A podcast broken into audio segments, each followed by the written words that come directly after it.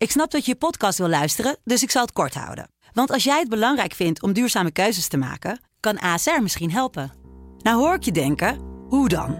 Nou, bijvoorbeeld bij het duurzaam herstellen van schade. Of de premies die we beleggen volgens ons duurzaam beleggingsbeleid. Dat bepaalt waar we wel en juist niet in investeren. Wil je meer weten over welke duurzame keuzes ASR maakt? Ga dan naar asr.nl/slash duurzame keuzes. ASR doet het. Zo, dan kan je nu lekker naar je podcast luisteren.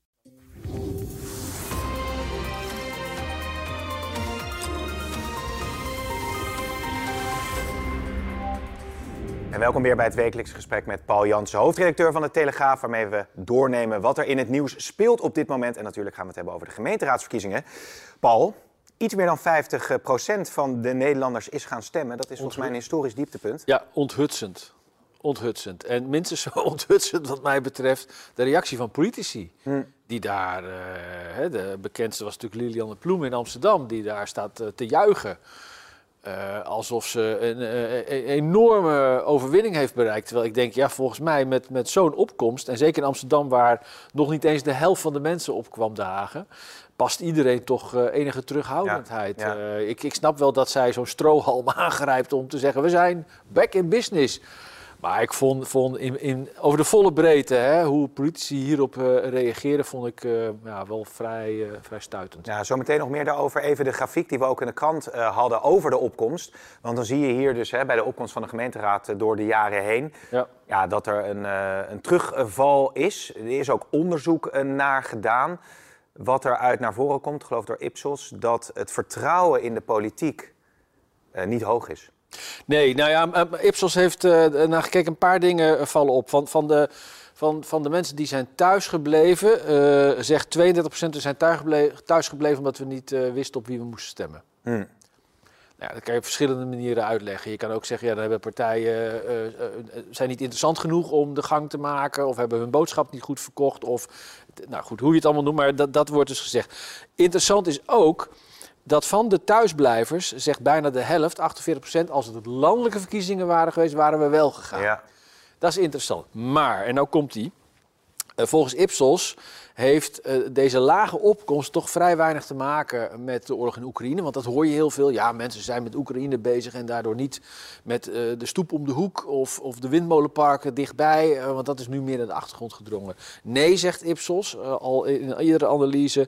Want in de belangstelling in 2018 was ook beperkt. Maar, en dat vond ik, het, vond ik echt een teken aan de wand.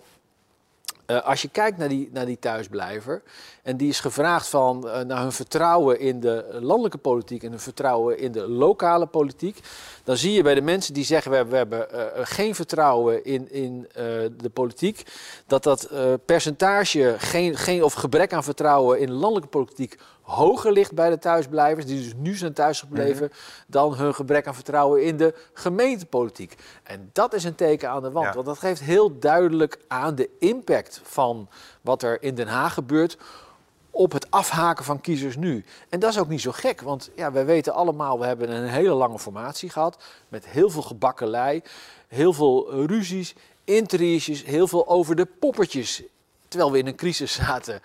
Uh, en een aantal hoofdpijndossiers. Uh, en vervolgens is er een kabinet gekomen.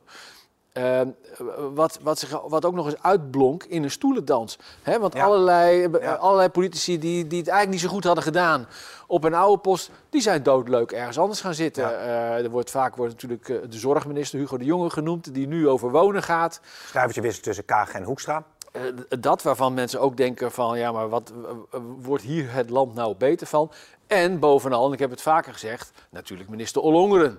Totaal mislukt op Binnenlandse Zaken en die gaat nu Defensie doen. Nou ja, we weten allemaal in deze tijd uh, wat, dat, wat het risico is als je daar een brokkenpiloot uh, neerzet. Maar het vertrouwen in de politiek is dus heel erg laag. En uh, je, je zou dan verwachten dat er meer reflectie is bij, ja. bij politici. En, en dat heeft mij wel verbaasd. Je noemde al Oekraïne even. Ja. Um, Rutte die zei, die noemde het ook.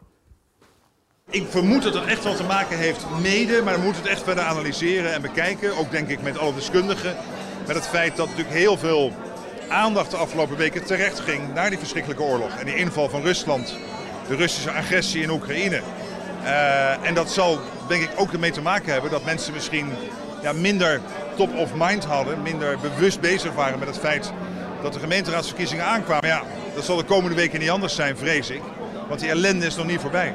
Ja, Ja, dus is Eigenlijk opvallend. bevestigt het jouw, eh, jouw uitleg van net. Nou ja, het is, het is weer wijzen naar, naar derde, en, maar, maar niet, geen zelfreflectie Hmm. tonen. En eh, eh, er zijn, hè, de minister heeft een eh, eh, onderzoek eh, aangekondigd. De burgemeester in Amsterdam heeft een onderzoek aangekondigd. De burgemeester in Rotterdam, de laagste opkomst, hè, onder de 40% in Rotterdam, heeft een onderzoek aangekondigd.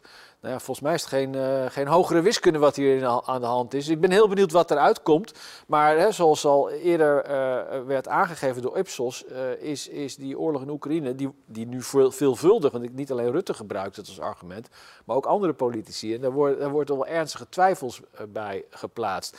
En ehm, ja, kijk, het, het, het zorgelijke is uiteindelijk als jij, en ik ben heel benieuwd dus wat de onderzoeken gaat brengen, maar als jij dus niet de zelfreflectie toont bij een opkomst rond de 50% eh, dat je al niet het inzicht hebt eh, en eh, om daarop niet opportunistisch te moeten gaan staan juichen. Op Ja. wat voor bijeenkomst dan ook, weet je wel. Meerdere, hè. Ik snap dat, dat iemand als Jesse Klaver van GroenLinks ook opgelucht was. Want daar werd toch wel van verwacht dat hij een flink pak slaag zou gaan krijgen. Maar over de volle breedte zou, zou eh, partijen, met name landelijke politieke leiders, enige terughoudendheid passen. Ten meer ook omdat van die beperkte groep die dan wel de moeite heeft genomen om, om gebruik te maken van een democratisch recht, heeft ook nog eens een keer een groeiende groep lokaal gestemd. Ja. Dus ook een teken aan de wand. Hè? Dat, het, dat, dat vertrouwen in die landelijke partijen zo tanende is. En, en ik, ik, ja, het, ik, ik snap aan de ene kant dus wel het, het pa- partijpolitieke belang om, om jezelf dan groot te willen maken. Om de uitslag te verkopen. Ja, maar Pim, het is, toch, het is toch zorgelijk dat in deze tijd, en zeker na vorig jaar, en ik, ik, ik zeg je eerlijk, ik had ook het gevoel, moet ik nu alweer naar de stembus? Laat ze eerst maar eens eh, eh, gaan regeren. Terwijl er natuurlijk twee verschillende eh, podia zijn, de landelijke politiek en, en gemeenteraadsverkiezingen. Het gaat om een heel ander gremium, maar dat is wel een beetje het sentiment. En het is, het is gewoon zorgelijk, het niveau van de politici in Den Haag en, en, en hoe zij zich verantwoorden naar de burgers. Ja, maar nog één punt wat je zegt, nou, enige neder- nederigheid en zelfreflectie Ja. zou passend zijn. Er komt dan een onderzoek inderdaad, maar wat zou nou eh, op de wat langere termijn kunnen helpen om dat vertrouwen in de politiek en de landelijke politiek weer te doen laten stijgen? Want je Nou- zit inderdaad met die stuivertje wisselen. Je, je hebt deze bewindslieden zitten, dus die zitten er misschien wel de komende eh, 3,5, 4 jaar. Ja, nou, eh, waar, het, waar het mee begint is eh, gedegen beleid. Eh, dat betekent eh, eh, eh, geen dingen beloven die je niet kan waarmaken. Kijk nou eens wat er in de coronacrisis tijd is beloofd. En in een crisis mag van alles fout gaan. Hè? Dat, is, dat, dat is onvermijdelijk. Maar we hebben daar natuurlijk wel eh, een, een minister gehad, met name op zorg, die de hele tijd allerlei dingen aan het beloven was. Daarmee beleid probeerde te forceren en dan, en dan de hele tijd op beloftes moest terugkomen. Dat is een nederlagenstrategie. Het tweede wat, wat, wat nodig is, is dat je eh, jezelf niet het, het klem schaakt. Wij in Nederland hebben ons op heel veel dossiers klem geschaakt. Dat zie, dat zie je bij de bij stikstof. Ja. Eh, je ziet het eh, bij, bij toeslagen. Je ziet het bij eh, klimaatplannen nu komen. Er wordt ook alweer ge- gewaarschuwd rond het, alle windmolenparken. Die we, dat we onszelf weer aan het klemschaken zijn. Bij de pensioenen. Heel veel mensen herkennen zich niet meer in waar men zich in Den Haag mee bezighoudt. Eh, een ander voorbeeld. We zitten met een e- energie eh, probleem. Ehm, de prijzen reizen de pan uit. Wat doet Den Haag? Die heeft wel een fonds, eh, of die heeft wel in het regeerakkoord 60 miljard, hè, 60 miljard gereserveerd voor klimaat en voor stikstof.